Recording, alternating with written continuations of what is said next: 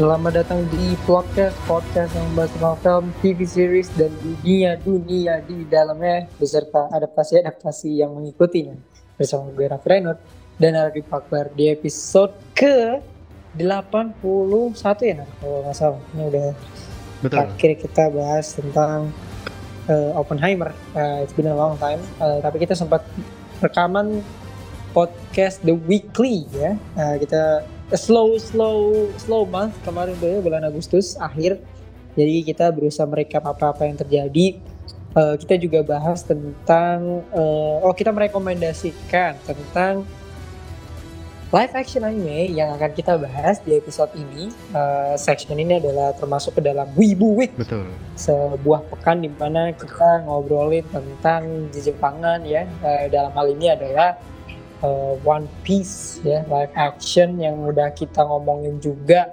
kemarin di The Weekly. So go check it out di mana pun lu dengerin podcast saya, utamanya di Spotify, di Apple dan di Google Podcast. Uh, live action One Piece kebetulan gue sama Nara nih bukan so called nakama ya. Cia. Jadi uh, ada baiknya kita mengundang seseorang yang tidak hanya menonton live actionnya, tapi juga menonton uh, animenya dan juga membaca manganya if I'm not mistaken. Jadi uh, a warm welcome untuk uh, nakama sejati ya, rekan gue dan teman gue yaitu adalah ada Eka Pramudiansyah. Halo. Halo, halo para pendengar.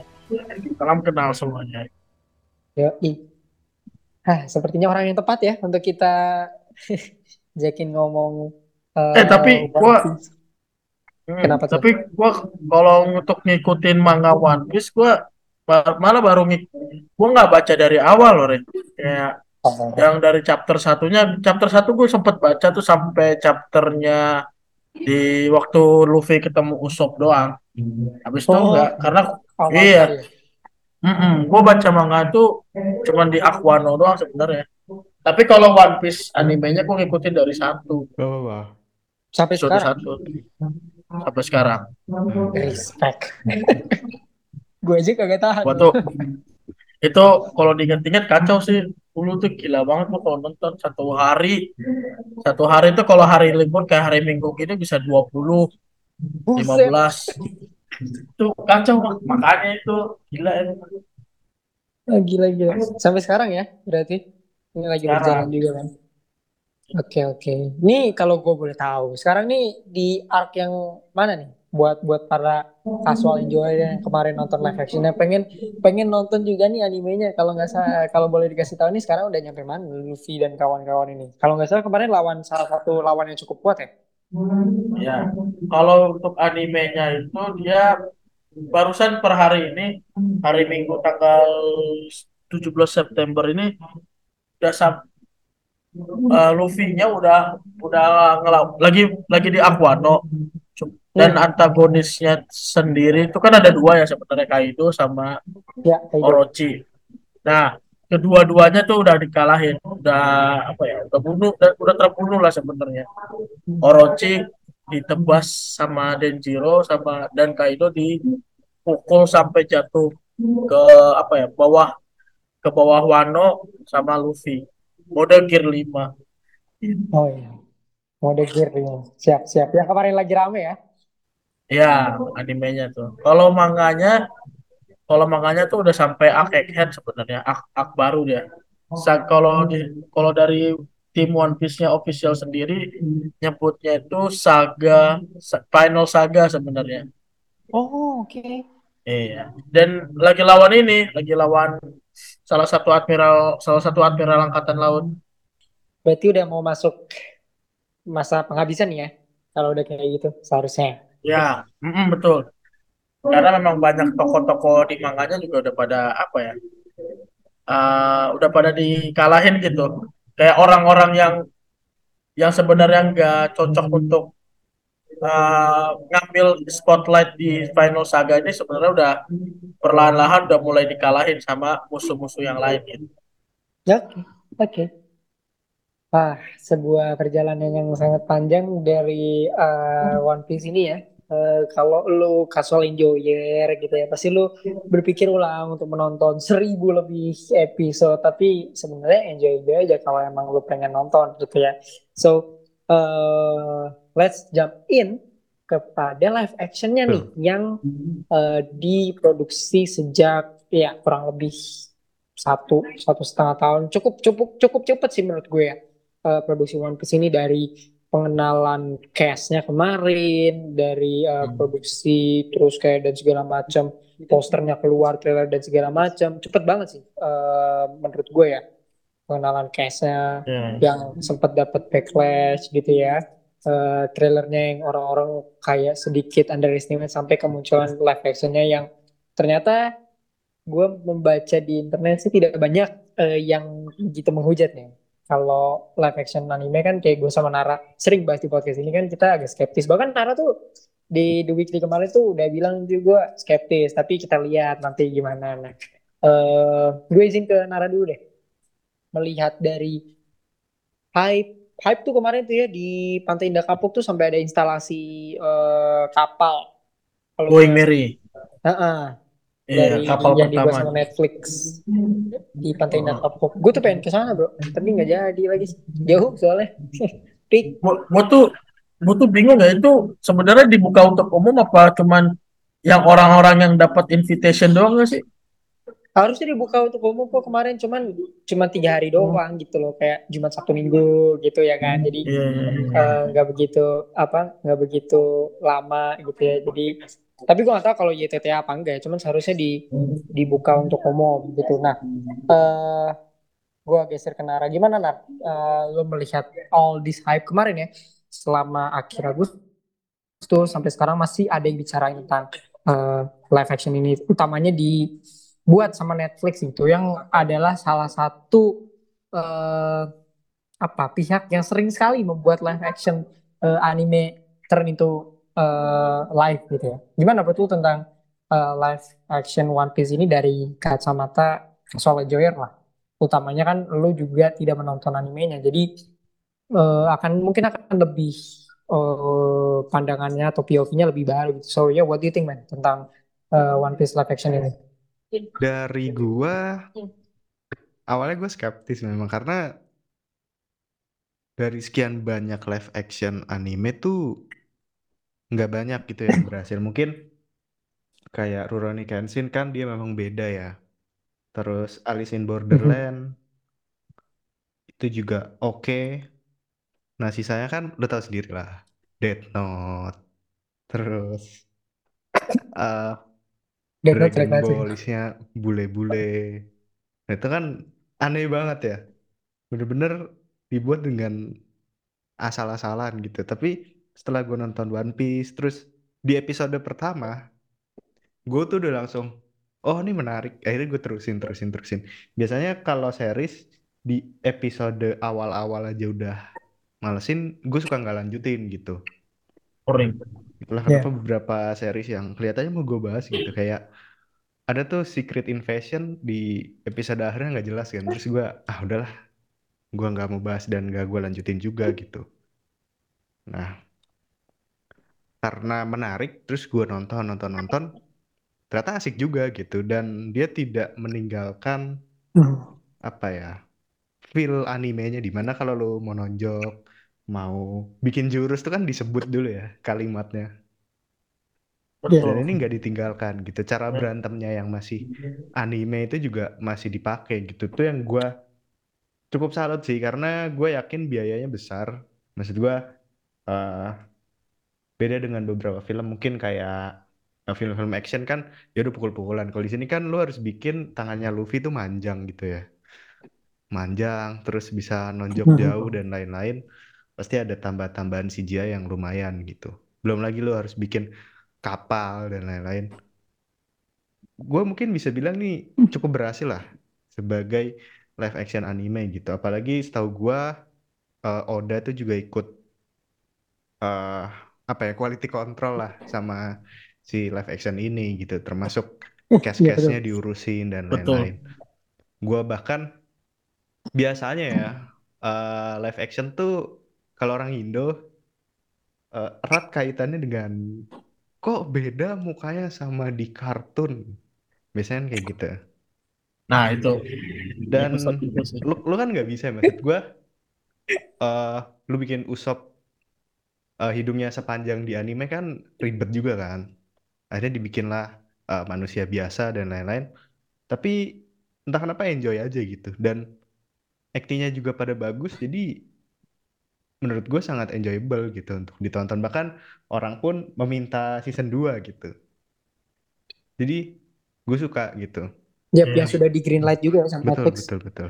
Dengan satu episode satu jam yang lu bisa lihat eh, perjalanannya Luffy sambil tiap episode tuh kalau gua nggak salah ada flashbacknya gitu loh. Flashback si Luffy lah flashbacknya Nami dan lain-lain. Jadi eh, lu nggak bosen gitu. Dan lu ngerti tiap karakter tuh kenapa gitu backgroundnya? Karena masih awal-awal kan.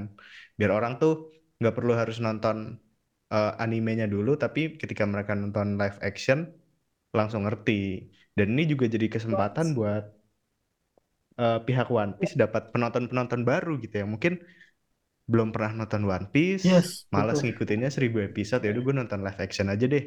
Terus kayak oh oke nih 8 episode satu season ngikutinnya leba- lebih enak. Karena gue sendiri kan jujur adalah orang yang nggak suka nonton serial yang episodenya terlalu banyak gitu. Gue tuh One Piece nggak ngikutin. Naruto dulu sempat ngikutin terus gue berhenti karena duh banyak banget. Udah dari, gitu ketambahan Boruto juga gue makin males kan. Makanya gue lebih suka nonton anime-anime yang per season kayak uh, Vinland Saga atau 86 yang kayak gitu-gitu. Oke.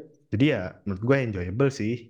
Mungkin ada satu dua hal yang bisa dikritik tapi sangat bisa dinikmati lah untuk live action mungkin Netflix akhirnya belajar dari si Alice in Borderland kemarin kayaknya oh gini cara bikin live action yang benar mungkin ke depannya semoga nggak bikin Death Note Death Notean lagi lah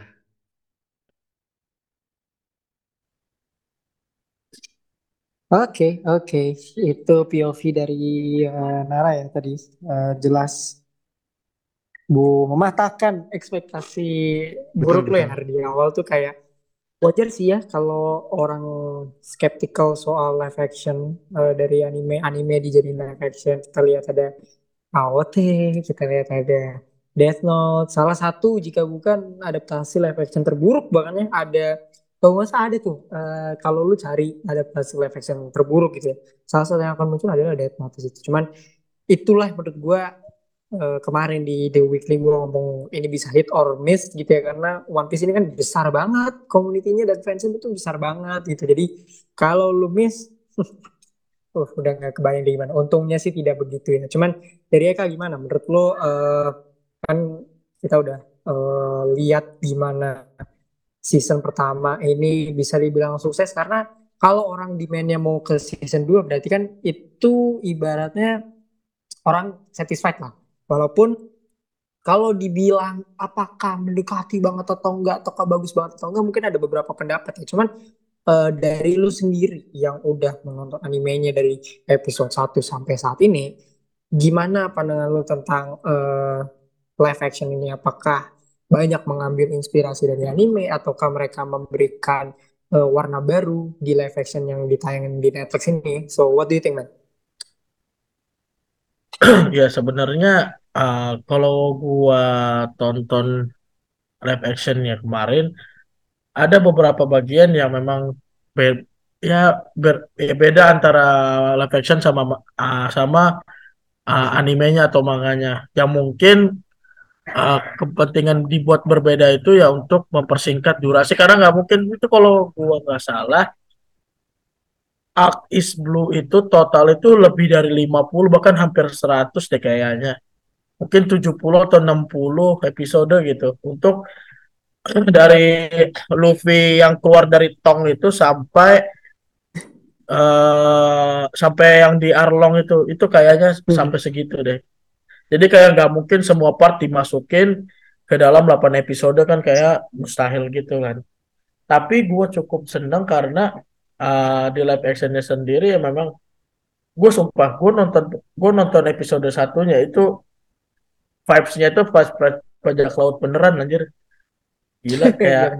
Iya kan, Maksudnya Hmm. kayak kapal ter kapal di waktu Goldie Roger dieksekusi itu kan kapal-kapal terparkir lalu pas dia dieksekusi para bajak laut itu apa ya berusaha untuk melawan atau pergi untuk melaut gitu itu itu kan background musiknya dari yang dikasih sama Netflix itu sangat-sangat mendukung vibes vibes bajak laut dan semua kapal tuh berangkat itu keren banget sih gila Betul. dan ya dan eh, untuk eh, untuk beberapa bagian yang berbeda itu kayak mungkin sebenarnya gue tuh nggak terlalu masalah sama misalkan ini kan sebenarnya banyak ya fa- fans-fans One Piece sendiri yang mempermasalahkan kayak bedanya hidung Usopp kayak nggak dibuat panjang atau ya kan gue tuh sebenarnya nggak masalah hidungnya nggak dibuat panjang atau apa. cuman sifatnya Usopp itu kan terkenal dari episode dia muncul sampai sekarang itu pengecutnya pengecut parah sebenarnya Yap. tapi di tapi di live actionnya ini sendiri apa ya Usoppnya tuh kurang sebenarnya sih menurut gua kalau dari sifatnya dari sifat pengecutnya itu menurut gua kurang gitu Mhm. sih Sama mungkin yang gua sayangkan sebenarnya kalau misalkan ini live action ini akan berlanjut kan season 2 akan berlanjut eh, kabarnya ngambil dari cerita cerita dari Lockdown tempat Goldie Roger dia lahir sampai dieksekusi sampai eh, dra- apa Alabasta kan. Itu kalau misalkan dilanjut lanjut lanjut terus gue sangat disayangkan sama alisnya Sanji sih sebenarnya. Karena nggak dibuat karena nggak dibuat melingkar gitu. Itu kalau misalkan iya. cuman untuk sampai dress apa Alabasta atau sampai East Blue ya oke mungkin ya nggak masalah. Cuman kalau dilanjut dilanjut itu kayaknya harus dibuat alisnya harus dibuat linker deh. Karena itu nanti akan apa ya akan mempengaruhi cerita ke depannya sebenarnya. Punya Hmm. pengaruhnya itu cuman alisnya itu doang sebenarnya. Gitu sih walau eh, selebihnya ya gue enjoy Oke enjoy aja sih nontonnya oke sama ini sih paling eh kalau lu perhatiin kayaknya Zoro tuh nggak nyebut nama jurus deh. Gue lupa ya gimana ya. Cuman kayaknya setahu gue kagak nyebut nama jurus gitu. Iya, soalnya kan harus cool, calm gitu dong ya kan. Kesukaan cewek-cewek TikTok soalnya. Jadi Mm-mm, banyak harus tuh harus TikTok cool. Iya sih. Yep, yep. Tapi gue suka di live selama nonton live action itu juga, gue suka sama ini sih scene waktu Zoro bertarung sama Mihawk sama Mr. Seven tuh, tuh gue suka banget. mhm, Apalagi itu sebuah pengenalan khusus, pengenalan yang sangat bagus menurut gua ke organisasi Baroque Works sih. Karena itu nanti akan ada seharusnya udah pasti ada di season 2-nya kalau misalkan terrealisasikan ya. Yep. Mhm.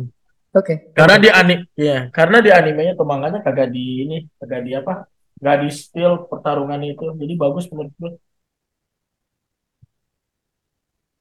Kita ke kalau dari lu plot ceritanya sendiri gimana? Apakah cukup menarik dilihat dari 8 episode? Karena kan biasanya kalau eh, serial di Netflix itu biasanya awalnya asik, endingnya tidak sesuai gitu. Menurut lu dari eh, live action ini melihat dari animenya sebagai pengenalan ini kan jelas banget ini kayak pengenalan banget nih eh, season Ya. pertama menurut gue bahkan dua episode pertama tuh benar-benar template em, episode-episode pengenalan gitu. So untuk season pertama dari segi ceritanya sendiri, eh do you feeling it gitu? Apakah dari ceritanya benar-benar dikurasi dengan, dengan bagus atau masih ada kekurangan di sana di sini gitu untuk arc pertama ini? Kalau dari gue ceritanya sih, ya bagus sih sebenarnya. Maksudnya eh, bagian-bagian partnya itu yang intinya sebenarnya kagak dihilangkan dan itu menurut gue bagus sih dan itu jauh lebih penting sebenarnya eh, mempertahankan plot cerita itu biar sama antara live action dengan manga atau animenya dengan daripada kayak cuman karakternya misalkan harus sama tuh, harus dibuat sama bukan eh, eh, mukanya tuh harus dari orang Jepang gitu gitulah gue malah lebih suka plotnya di sama sih ya kan? Kalau daripada muka misalkan uh, karakternya dibuat sama persis dengan tokoh-tokoh One Piece itu sendiri tapi plotnya berbeda kan mah ya. Ya. itu jauh lebih fail sih sebenarnya. Ya, setuju. Soalnya kan banyak tuh yang kemarin di Twitter bilang kok yang ini kulitnya hitam, yang Iya, ini gitu kan. Padahal sebenarnya yang paling penting adalah gimana cerita itu deliver atau enggak kan, bro. betul. Oke, oke. So tidak tidak begitu jauh ya dari inti dari cerita yang juga hadir di eh, em, animenya. Berarti tidak begitu jauh. Karena kan kalau live action kadang kan suka ada nih ya, agenda-agenda yang terselip di dalamnya. Tapi sejauh Hmm, ini One Piece nih secara secara core core story-nya tuh mantep ya di season pertama ini menurut gue. iya, setuju gue. Paling yang Oke, bedanya itu sih, paling yang bedanya itu sih Raya. Pengenalan tokoh Gap sih maksudnya. Ternyata Gap itu ternyata Gap itu dibuat sangat penting banget loh di live action. Padahal kalau di manga atau anime ya dia itu cuman karakter lewat doang gitu di sebelum saga. Maksudnya nggak yang sampai ngejar-ngejar Oh, Luffy gitu. Ya, maksudnya dia nggak sampai ngejar-ngejar Luffy gitu sampai dia kan kalau di live actionnya Gap itu kan ketemu Luffy, akhirnya ketemu Luffy pas di desanya betul Nami ya, betul. pas di desanya Nami kan. Nah iya, kalau di anime atau manga tuh mereka berdua sebenarnya belum ketemu. Ketemunya nanti pas di uh, pulau lain gitu, di Grand Line. justru di live action udah di dari season satu dia udah dikasih apa namanya eh, peran yang cukup ini ya penting ya. Betul, gue cukup kaget juga. Gue kira cuman ya udah karakter lewat aja gitu. Ternyata aja penting juga. Gap. Hmm, oke oke. Lu suka nggak dengan movie itu? Bahwasannya karakter ini dijadikan kasih dikasih peran yang cukup penting di season pertama ini menuju season kedua pastinya kan. Iya, Hmm, menurut gue bagus sih. Uh, Gap udah dikenalkan di awal-awal apa cerita di live actionnya ya. Oke oke. Gua geser ke Nara. Nah sekarang gimana menurut lo tentang eh, plot cerita di eh, season pertama ini? Kalau gue sih karena gue tidak nonton anime ya, gue enjoy enjoy aja sejujurnya. Ya walaupun ada kayak di tengah-tengah ada satu dua scene yang gue agak bosen dikit, tapi ya oke lah masih sangat bisa ditoleransi gitu. Dan karena pembawaannya menyenangkan,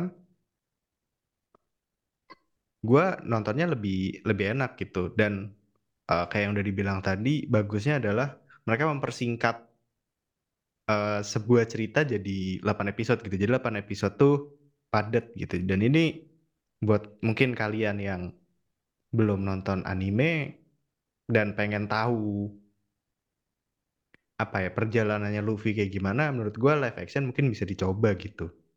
Cuma memang eh, kalau misalnya ada yang merasa bahwa oh fightnya kok nggak seheboh di anime karena memang susah kan. Maksudnya budget bikin live action sama budget bikin anime tuh beda gitu. Di mana live action lu butuh lebih banyak CGI lebih banyak eh, alat dan segala macam. Cuma untuk ini menurut gue udah oke banget gitu. Apalagi eh Zoro tuh selalu pakai sering ya sering pakai tiga katana itu yang menurut gue awalnya gue meragukan gitu. Karena susah loh menerapkan itu ke live action gitu. Tapi ternyata bisa-bisa aja dan seru gitu untuk ditonton. Gue suka sih. Secara cerita juga eh, diselipin komedi-komedi kayak di animenya. Jadi kita nggak serius terus. Jadi ada sisi-sisi menyenangkannya. Gue suka sih. Nggak kayak ya yang sebelum-sebelumnya kan gue ngeliat eh, ini bukan anime sih, tapi lebih kayak ke kartun The Last Airbender tuh kan benar-benar ceritanya dipotong ya. Ini sorry nih gue menyinggung yang lama-lama. Itu bener-bener cerita Yap, yap. dipotong gitu. Beda sama One Piece yang ceritanya mungkin lebih kayak dipadetin. Tapi inti-intinya nggak dihilangkan Ya, gitu. Perlu dikasih tahu background setiap karakter, perlu dikasih tahu perjalanannya gimana, cara dia dapetin kapal gimana, diambil inti-intinya, disusun, dibikin padat 8 episode. Gue ngerasa dulu waktu The Last Airbender tuh semua serba tiba-tiba gitu. Kayak dipotong-potong. gitu. Ini kan enggak gitu. Jadi gue bener-bener enjoy sih. Ini jadi harapan gue untuk ke depannya live action anime bisa digarap kayak gini gitu. Karena udah udah terlalu lama lah kita gagal tuh.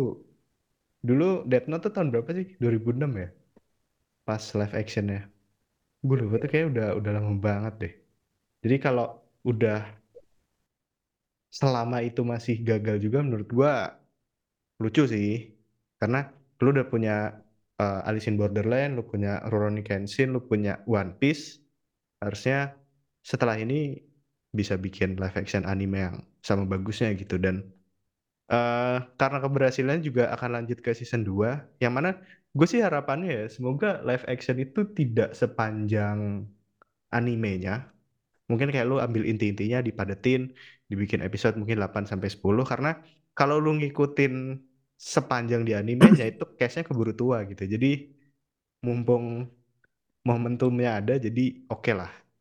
Dan walaupun banyak diragukan banyak orang ya ini sangat amat enjoyable sih. Dan cast-castnya juga oke okay gitu.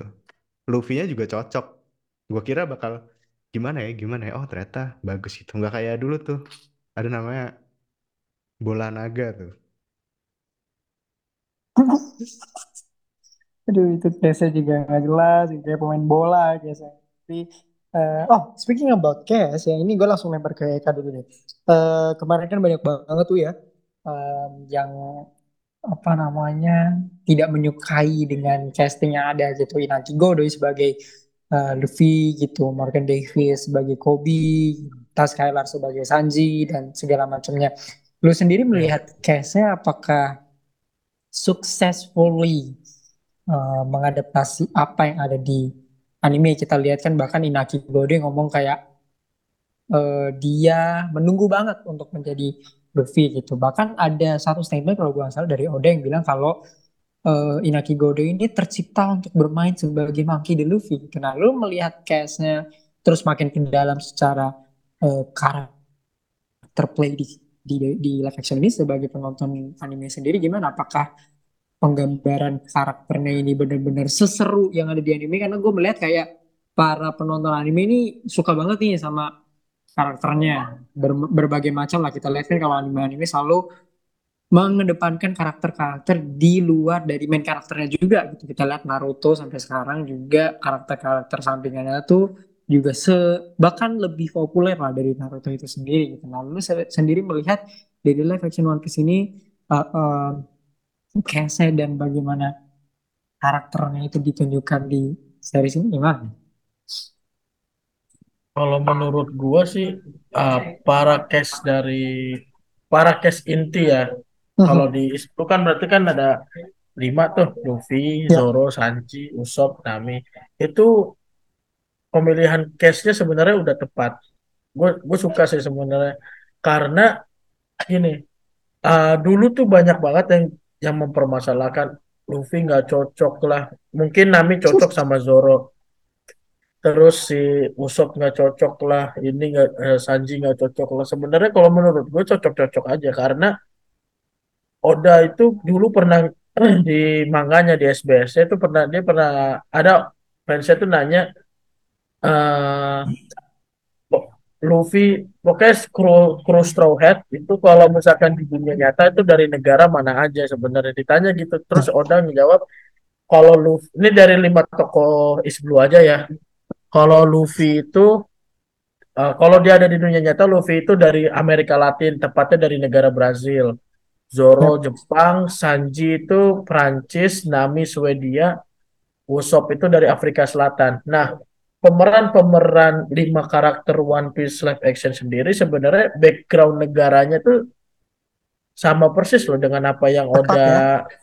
iya Inaki Godo itu kan dari Meksiko taruhlah Amerika ya. Latin uh, terus si Makenyo dari Jepang Nami dari Nami itu kalau nggak salah sama Sanji dari Eropa bener kan Prancis Swedia dari Eropa sama si Jacob itu pemerannya Usop itu kan dari Afrika Selatan ya hmm. sebenarnya udah udah pas juga gitu. Jadi uh, untuk permasalahan case pemilihan case sendiri sebenarnya udah jauh lebih bagus, jauh lebih tepat lah gitu. Lalu untuk karakter-karakter karakter pentingnya juga di East Blue kayak Gap, uh, Shanks. Dulu tuh Shanks itu waktu di trailernya ya, gue sempet ngeliat dia tuh kayak ini loh, di di miripin sama Vincent Rompis tau gak sih?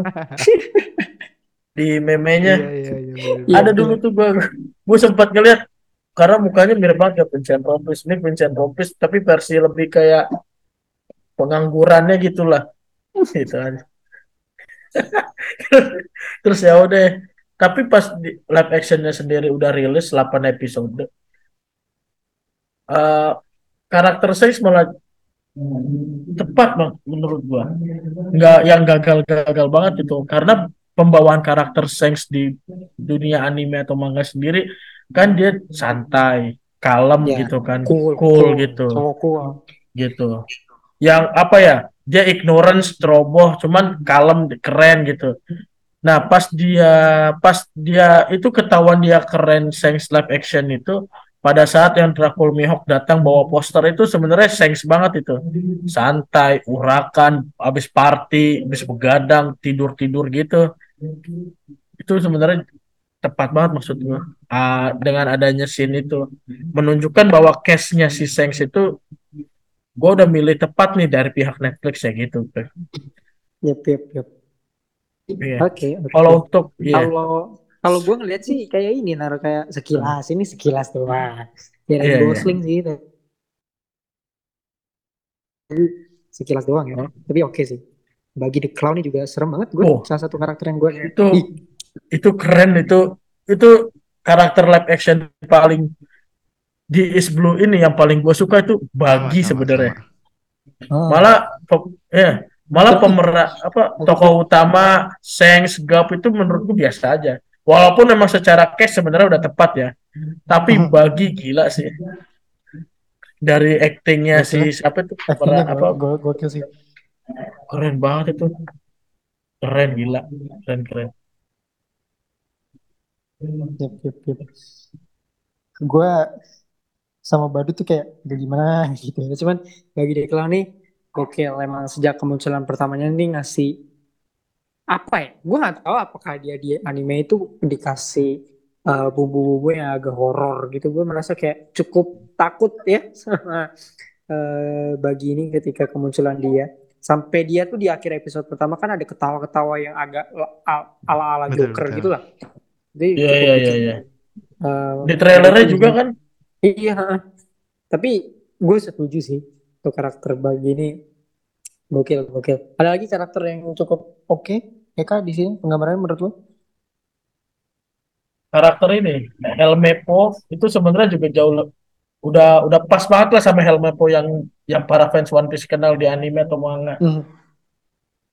Helmepo itu kan di awal-awal tuh pengecut, sombong, angkuh, ya apa ya sok berkuasa karena dia kan anak dari kapten angkatan laut kan, kapten ternama gitu, yang punya pangkalan di situ.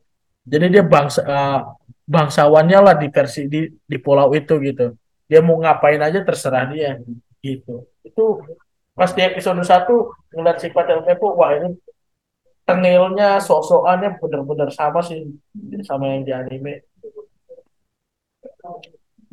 Oke. Lalu, lalu sama siapa ya? Mungkin Kapten Kuro sebenarnya juga tuh juga actingnya bagus banget. Kapten Kuro. Udah sih. Alright. Eh, dari lo gimana nih? Mungkin kalau dari karakter siapa yang paling stand out menurut lo di sini gitu? Kalau kita not not to mention bagi The Clown yang tadi kita udah ngomong ya, yang diperankan sama Jeff Iya, Ward. iya, iya. Eh, dari lo siapa eh, stand out karakter di One Piece ini? Eh, kalau di luar dari cast utama ya, selain Bagi yang memang keren dan badannya bisa misah-misah, eh gue suka entah Iya. kenapa gue suka Kobe sih, karena kan dia cupu-cupu gitu ya. Di live actionnya tuh juga, oh Iya. lu bisa loh meng- mengadaptasikan eh Sifat iya cep- sifat sifat cupunya tuh cupunya itu ya. dengan dandanan yang seperti itu gitu. Rambut-rambut belah tengah, kacamata, terus eh, gugup-gugup aneh gitu. Bisa gitu dan nggak cringe gitu lu ngelihatnya malah jadi lucu gitu. Apalagi eh, udah berdua sama Helmepo tuh udah itu udah lucu gitu. Jadi itu sih yang menurut gue di luar karakter utama yang gue suka gitu. Gue nontoninnya betah ngelihat mereka gitu. Untuk sisanya sih menurut gue Iya, oke iya. oke aja sih. Dan cast utamanya juga keren-keren. Jadi lu mau apa lagi gitu. Oh sama sebenarnya gue lumayan ini ya, lumayan menyeramkan pas di scene-scene awal yang Zoro ngebelah orang tuh kaget gue sebenarnya. Karena Oh kan ya, eh, ini live action yang kalau nggak salah ratingnya 13 plus ya. Dan eh, warningnya Ya. tuh cuma self harm. Ternyata enggak. Ternyata ada orang dibelah di episode pertama gitu. Gue langsung, oh ternyata menyeramkan juga ya. Gokil ya. Itu sih gue gue suka banget sih dengan bagaimana mereka nge-treat karakter di live action ini. iya. iya. Oh sama satu Oke. lagi Re, tambahan gue Re. Itu dengan scene tambahan yang Zoro ngebelah itu tuh ngebelah Mr. Setuju, Mr. Seven. Sebenarnya itu membuktikan bahwa di antara para kru Luffy, Zoro tuh sebenarnya yang yang udah pernah ngebunuh orang gitu dan itu ditunjukkan di live action. Kalau di manga atau anime enggak kayak cuman di secara personal omongan aja sih. Tapi kalau di live action maka di, di eh, dibuat real, dibuat nyata sama pihak Netflix One Piece Yep. live action. Langsung di episode ya, awal-awal. Jadi kayak Iya. eh, memberikan statement kalau Zoro ini sudah pernah membunuh orang karena kalau lu udah pernah bunuh orang adegan lu membunuh orang pasti kayak akan lebih easy gitu kan akan gampang. Jadi itu tandanya lu udah berpengalaman gitu untuk membunuh seseorang itu so yeah, had to agree had to agree gue sih gue tuh emang menunggu si Luffy banget ya karena kan one of the most iconic karakter tapi entah mengapa gue merasa kayak mungkin gue berharap di season 2 bisa lebih resembles lagi tapi Inaki Godo ini needs more apa sesuatu lah untuk mengeluarkan Luffy dari dia gitu. Beberapa orang mungkin udah nganggap dia uh, quote on quote dan tanda kutip adalah real life actionnya Luffy. Tapi gue merasa kayak mungkin nanti di season 2 kita akan melihat uh, hal itu dikeluarkan gitu sama Inaki Godo gue merasa gue pribadi melihat uh, di season 1 ini belum keluar itunya. Tapi we'll see di season 2 tapi so far Iya. uh, I really like gimana kru Straw Hat ini seperti besar sedikit banyak sedikitnya tuh seperti yang ditunjukkan di anime lah. Seperti yang gue tonton walaupun cuma di awal-awal ya, cuman kayak uh, it's fun to see that gitu. Um, dari karakter kita ke hal salah satu hal yang juga cukup penting dia anime secara visual itu adalah world building bagaimana uh, apa namanya penggambaran dunia dari One Piece yang cukup luas dan yang sebenarnya sangat-sangat luas dibandingkan anime lain gitu. World building dan uh, secara apa namanya scene-scene bertengkar berantem yang kita lihat di anime kan pasti untuk merealisasikan live action kan sangat sulit gitu kan. Apalagi kalau di anime itu lebih apa namanya hiperbolik lah istilahnya uh, nendang ini jatuhnya ke sini gitu. Nah, kalau di live actionnya One Piece ini kita lihat budgetnya nih kan 138 juta dolar kalau gue yang salah. Salah satu budget yang cukup besar gitu. Tadi Nara juga ngomong uh, live action ini memang butuh budget yang besar untuk menambah let's say uh, visual-visual VFX dan uh, CGI di sana sini gitu lah. Gue mau nanya dulu ke Nara nih. Gimana menurut lo secara visual dari live action ini gitu dari lo melihat apakah uh, penggambaran dunia dan scene-scene bertengkar yang digambarkan di live action ini cukup bisa lo nikmati? Sangat sih sebenarnya. Uh, walaupun gue lebih suka adegan pedang-pedangannya Zoro ya, karena lebih dia kan minim CGI. Cuman sisanya gue tuh suka gitu CGI-nya. Tangan manjangnya Luffy itu oke gitu, nggak nggak yang jelek, nggak yang aneh, sangat bisa dinikmati gitu. Bahkan uh, walaupun kalau lu lihat pas adegan kapal-kapal itu terlihat banget bahwa mereka ngarahnya kayak CGI CGI fantasi gitu loh, bukan CGI yang realistis kayak mungkin Marvel, DC. Ya. Dia lebih ke arah fantasi jadi kelihatan CGI tapi asik gitu ditontonnya dan cukup mirip gitu dengan apa yang selama ini gue bayangkan gitu. Gue sangat-sangat suka sih. Jadi mereka benar-benar bisa memanfaatkan budget 120 juta dolar ini ya. Ya seratusan lah, seratusan juta dolar yang jadinya oke gitu. Karena kalau boleh bilang tuh ada beberapa film yang sampai 200. Bahkan ada yang ganti sutradara terus budgetnya manjang sampai 300 tuh nggak jadi apa-apa juga gitu. Betul. Jadi Mhm. betul. Malah flop ya. Dan ini berhasil gitu. Mungkin mereka efektif eh, produksinya, terus mereka tahu mana yang penting yang harus dikerjain. Jadi nggak terlalu membengkak sehingga oke gitu. Dan pengerjaannya mungkin karena Oda ikut quality control di situ, jadi pengerjaannya dikerjakan dengan sangat baik gitu. CGI-nya cukup rapi di sini. Mungkin kalau season 2 bisa muncul mungkin bisa dirapin sedikit, tapi menurut gua kayaknya ya itu udah mentok sih karena Ya. ya lo mau bikin kayak gimana lagi memang modelnya kayak gitu. Tapi ini udah udah oke banget lah untuk 8 episode dengan budget segitu. Menurut gua oke. Dan ini langkah berani ya maksudnya eh, anime dengan fanbase sebesar itu dengan banyaknya adegan fantasi yang udah eh, tangan manjang lah, badan misah-misah dan lain-lain. Itu lo bisa garap dengan baik gitu. Menurut gua ini oke sih, ini hebat sih. Ini nggak asal-asalan kayak anime-anime yang lain gitu yang di live actionin main live action aja. Ya. Cuma buat ngejar eh, konsumen aja. Tapi end produknya malah sangat unpleasing untuk eh, Betul, dilihat betul. gitu. Dan untuk One Piece juga looks very comical, I think lebih asik Bahkan aja gitu. bagi itu gue sebelumnya kan gue udah baca-baca ya, dia kan bisa misahin badan-badannya. Gue tuh bingung gitu, gimana ya nge-treatmentnya? Karena kan kalau di anime kan tuh gambar aja kan, gambar terus udah badannya berterbangan. Iya. Ternyata di sini bisa dan bagus gitu. Gue kaget aja sih, walaupun jatuhnya lebih keserem ya dibanding eh, lucu kayak di animenya. Iya, gila. Takut gue. Tapi bagus gitu jadinya, Iya, iya. creepy creepy keren gitu. Iya, iya, iya. Eh, Japanese Joker. Oke, eh kayak kak deh.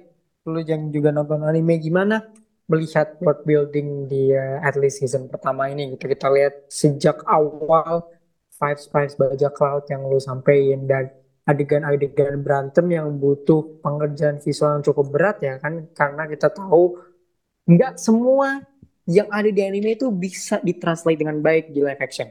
Ya kan kita lihat bahkan untuk eh, skala besar kayak Marvel dan DC itu banyak banget tuh visual-visual VFX yang off banget gitu. Kita lihat beberapa film atau adaptasi serial yang secara live action buruk banget gitu. Contohnya kayak Secret Invasion yang Marvel kemarin tuh yang wassalam lah pokoknya di episode akhirnya gitu. Nah, lu sendiri melihat live action One Piece ini gimana? Karena kan dengan budget 138 juta dengan pengerjaan yang menurut gua cukup buru-buru ya karena sejak produksi awal pre-production penyebutan bahwa One Piece ini akan dijadikan live action sampai mereka rilis itu cepet banget menurut gue dan tadi Nara bilang dikerjakan dengan baik, dieksekusi dengan baik. Nah menurut lu gimana sebagai penonton anime melihat eh, penggambaran world building dari One Piece yang gue yakin banget di season-season selanjutnya akan lebih dikupas lagi gitu. Untuk world buildingnya sendiri yang kayak gue sebut di awal tuh, kalau uh, pada saat yang Luffy naik apa ya, dia mulai berlayar dengan kapalnya itu Going Merry, itu pas-pas bajak laut tuh kerasa banget sih menurut gue. Jadi kayak gue mah gue nggak tahu ya ini orang lain itu, cuman gue pada saat nonton itu malah jadi kepengen jadi krunya Luffy lu nggak tahu ya. Asik tuh, berhasil tuh berarti penggambarannya kalau lu udah merasakan Iya. gitu. Betul. Ya mungkin karena sebagai sebagai fans One Piece dari lama dari pada saat gue nonton ya mungkin karena ke bawah itu kan. Cuman gue itu yang gue rasakan saat gue nonton uh, One Piece live action di adegan kapalnya. Lalu kalau untuk CGI-nya sendiri sebenarnya udah udah sangat bagus. Malah justru gue bingung. Gue bingung karena uh, kan gue nggak tahu ya anggapan siapa gitu. Cuman uh, pernah ada kayaknya ada yang bilang kalau CGI diimplementasikan ke karakter anime gitu, jadi kurang kurang berhasil atau uh, kurang kurang bagus gitu. Tapi pada saat gua bahkan itu diperkuat kayaknya pada saat trailer dikitnya itu loh. Eh bukan trailer, Hmm. teaser ya. Teaser yang kada, pada saat pa- ya pada saat yang Luffy atau Inaki Godoy bilang Gomu Gomu no pistol ke Alvida di episode pertama itu yang latar belakangnya malam hari itu kan Mhm. banyak yang bilang bahwa kok tangannya aneh, kok gini, kok gini, kok gini. Tapi pada saat one produknya udah jadi dan dari 8 episode itu udah jadi, udah udah dirilis semua di Netflix, kok nggak nggak nggak kerasa gagalnya gitu kalau menurut gua ya. Mhm. Malah lebih ya gua enjoy sih pada saat nonton CGI-nya dengan tangan manjang, badan misah-misah, lalu eh apalagi sih kalau si CGI yang di One Piece Adegan-adegan pokoknya atau kayak keren betul koreograf koreografer di yang disajikan oleh One Piece live action gua sangat sangat suka sih sangat enjoy lah Yep, yep. Asik dilihatnya gitu ya. Kalau gelap nggak gelap banget, kalau terang juga nggak oversaturated. Gitu. Jadi gue sih melihatnya ya walaupun kalau bagi gue pribadi sih ada beberapa hal yang agak off ya dan gue berharap di uh, season kedua lebih di um, tingkatkan lagi. Tapi cukup enjoyable gitu ya uh, secara Hmm. world building. Apalagi kalau kita ngomong tadi karakter dan uh, uh, plotnya. Gue merasa kayak penulisannya secara dialog karakternya juga menarik. Karena kan biasanya uh, dalam live action anime yang jadi masalah adalah keterikatan karakter satu dan karakter lainnya kan agak off ya. Dan gue merasa kayak itu bisa dihandle dengan baik di sini gitu. Dibantu sama world building dan uh, VFX visual yang juga cukup oke gitu. Karena kan kalau lu punya karakter bagus cerita bagus tapi secara visual penampilannya tidak begitu pleasing di mata kan juga kurang. Dan gue rasa dengan apa yang kita omongin sekarang sih One Piece sepertinya had it all lah untuk uh, adaptasi live action yang beberapa kali Netflix tuh gagal. Bahkan orang ketika penyebutan One Piece itu udah ketar-ketir nih besar banget nih Betul. untuk dijadikan live action. Dan besar banget kemungkinannya kalau gagal lu bakal rugi besar nih si Netflix. Tapi ternyata Eka dan Nara tadi udah ngomongin kalau well least sebenarnya tidak seperti itu gitu. Nah what's next nih? Untuk apa harapan lu sebagai nakama di season kedua gitu. Kita lihat tadi penilaian-penilaian dulu di season pertama lalu dengan well bisa dibilang One Piece ini lagi eh naik-naiknya. Bisa gue bilang dengan eh, banyak adaptasi-adaptasi kayak film One Piece Red kemarin ya di tahun 2022 lalu dengan anime yang masih berlanjut hype dari Gear 5 kemarin yes. Di bulan eh, Juli Agustus kalau gue nggak salah. Bagus sampai Bulan- salah satu eh, calon presiden itu nonton juga ya kan? Sampai menteri keuangan make topinya Luffy gitu kan. So I guess hype kepada One Piece ini semakin besar. So apa yang lo harapkan di eh, season 2 gitu. Apa yang lo harapkan akan muncul? Apa yang lo harapkan akan eh yang mungkin di season pertama nggak ada dan ditingkatkan di season kedua apa harapan lo untuk season Harapan- kedua dari One Piece Hmm. Harapan gue justru lebih ke arah ya dengan adanya One Piece live action bisa di season 1 dan akan diimplementasikan juga ke season 2 gue berharapnya semakin banyak orang yang ngikutin One Piece ya. Hmm, oke, oke. Iya, karena kan banyak eh, anggapan orang yang bilang kayak nonton anime tuh nonton kartun, nonton anak kecil tontonan anak kecil atau gimana. Nah sekarang udah ada live actionnya nih. Nah gue pengen eh, semoga aja orang-orang yang yang punya anggapan atau punya idealis bahwa gue nggak mau nonton anime karena gue udah dewasa, udah nikah atau gimana. Dengan dia nonton One Piece live action itu menjadi nakama baru sih menurut gue. Gitu. Oke. Oke. Berarti lu tidak menghalang-halangi orang untuk menjadi fans One Piece ya? Karena kan pasti ada kan orang yang di luar sana yang wah lu jangan elitis tahu ya dong kalau ya gitu. Elitis elitis. Sebagian Eka nih kan banyak gitu kan bro? Banyak, memang banyak sih. Lagi orang Indonesia sendiri ya memang kayak gitu kan ya. waduh. Gue gak nyebut orang mana sih cuman kayaknya iya deh Oh orang iya. Indonesia deh. Oh iya. Soalnya kan yang paling paling kan ya. Orang Indonesia paling fans One Piece. Gue sih sejauh ini belum lihat ya elitis elitis itu muncul. Berarti kan itu berhasil lah. One Piece berhasil membuat community-community yang sehat ya. Soalnya kan banyak nih kalau adaptasi kayak gini, lu jangan so tahu dong. One Piece tuh aslinya seperti yes. Tapi Nah. berarti membuka kesempatan baru ya untuk nakama-nakama baru nih menikmati One Piece. Yes. Walaupun episodenya udah seribu lebih ya, tapi nggak apa-apa. Betul.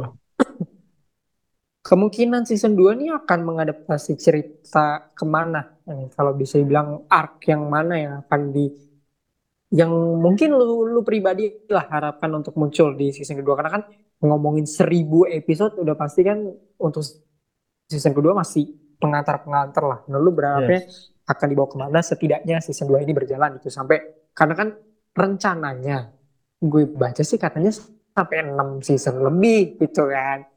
Berarti kan ada kemungkinan cerita-cerita inti atau cerita-cerita besar yang di export. Let's say kalau kita ngomong Naruto gitu ya, lu kan nggak mungkin masukin eh, arc-arc makan ramen kan nggak mungkin gitu kan pasti harta yang mungkin. penting kayak penculikan eh, apa namanya ekor eh, Jinchuriki gitu kan. Ya. Tapi kalau di season kedua dari One Piece ini lu sendiri, lu pribadi deh sebagai penonton, lu pengennya dibawa ke arc mana?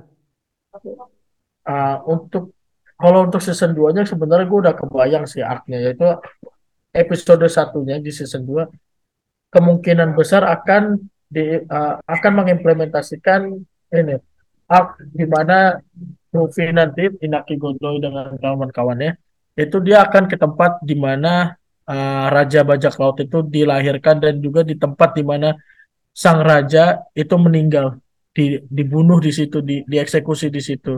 Itu seharusnya udah pasti ya karena pada saat di ending apa di di eh, di menit terakhir episode 8 itu sebenarnya udah dimunculin itu karakter yang berpengaruh di eh, di arc itu sebenarnya. Gitu. Itu arc, eh, arc di mana nanti Luffy sebenarnya kalau di anime dan manganya itu dia ditangkap sama Buggy dieksekusi cuma nanti ya gitu. Dan itu sebenarnya ada pangkalan angkatan laut. Nah pangkalan angkatan laut itu itu salah satu musuh Luffy yang musuh awal Luffy yang nggak bisa dikalahin sebenarnya. Karena Luffy eh, ya whatever jurus jangan ada jurusnya gitu lah sama mungkin ak, ya udah pasti aknya Alabasta kemungkinan besar sih ya. Cuman gua nggak tahu Alabastanya tuh entah misalkan Alabastanya full di kerajaan Alabasta atau cuman di aknya misalkan cuman dapat nakama baru gitu karena kemarin tuh sempet banyak banget eh, apa di, di internet tuh di IG tuh ada yang bilang pemeran Chopper Robin itu udah diketahui udah udah di spill lah Hmm. sebenarnya pemerannya gua nggak tahu tuh bener apa enggak Karena mereka Kan- mereka emang hadirnya di arc ini ya si Chopper sama ya Robin ya. Karena mereka belum Betul, ada di season. 1 kan. belum belum dimunculkan nah, mungkin ya kalau gue sih berharapnya sampai aknya Alabasta itu ya lu tahu nggak ah, momen apa sih momen ikonik ketika Luffy dan kawan-kawan itu yang ngangkat tangan ada ada tanda X tau nggak lo? Gue sih berharapnya di episode oh, iya, iya, terakhir, iya, iya. Ah, Iya. ah, yang di kapal Nah. kalau gue nggak salah. ya yang di kapal yang nunjukin tanda X gitu kan. Nah, gue berharapnya sih di episode terakhir di season 8-nya, eh di season 2 episode terakhirnya sih akhirnya gitu. Kayak Luffy kemarin di season 1 kan yang dia pakai tong itu tuh, yang tong bir, lalu eh, nakama Ace Blue-nya berjanji di atas tong itu karena untuk si- akhir dari season 2-nya, gue sih berharapnya itu sih yang Lu- Luffy dan kawan-kawannya ngangkat tangan di live action itu momen ikonik dan momen bagus sebenarnya. Gitu. Yep, yep, yep. Tahu gue gue. Kalau itu masih masih tahu saya. Momen-momen itu masih menonton. Eh, tapi kalau yang ke depan enggak, oke, oke. Eh, yang diharapkan adalah masuknya Art Alabasta dan karakter-karakter seperti Chopper. Chopper tuh yang pendek ya guys, eh, yang kayak hewan Rusa, rusa. yang pakai topi Ya, dia. sama Betul. Rusak kutub eh. Nico Robin. Nico Robin ini, ini favorit favorit orang-orang. Jadi eh, memang diharapkan masuk ke season kedua ya. Oke, eh Kenara nih. Eh, pertanyaannya lebih general.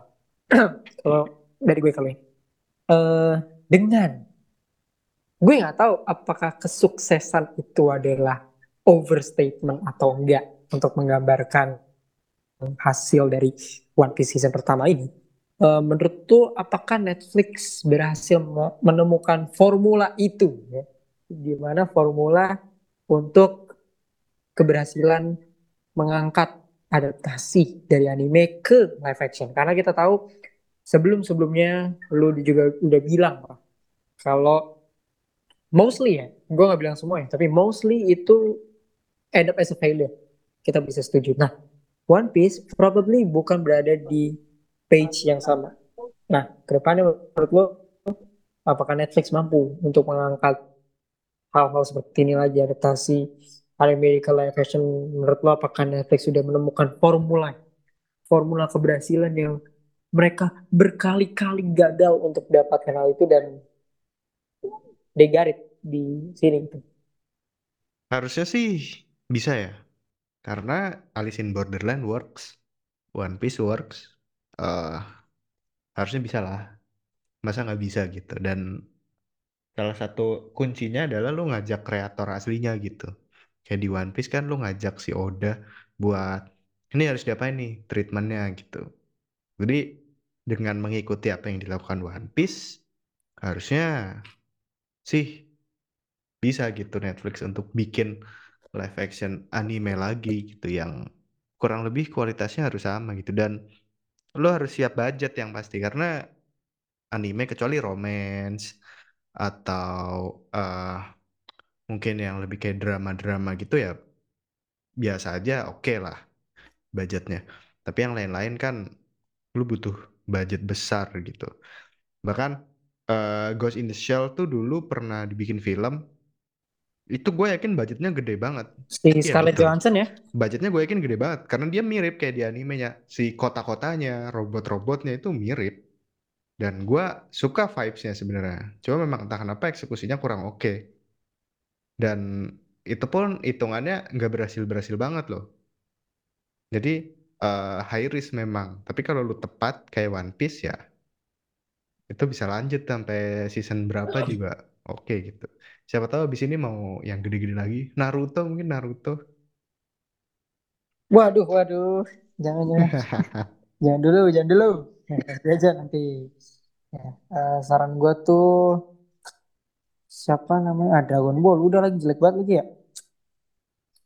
Apa Bleach Bleach udah belum sih Bleach belum ya?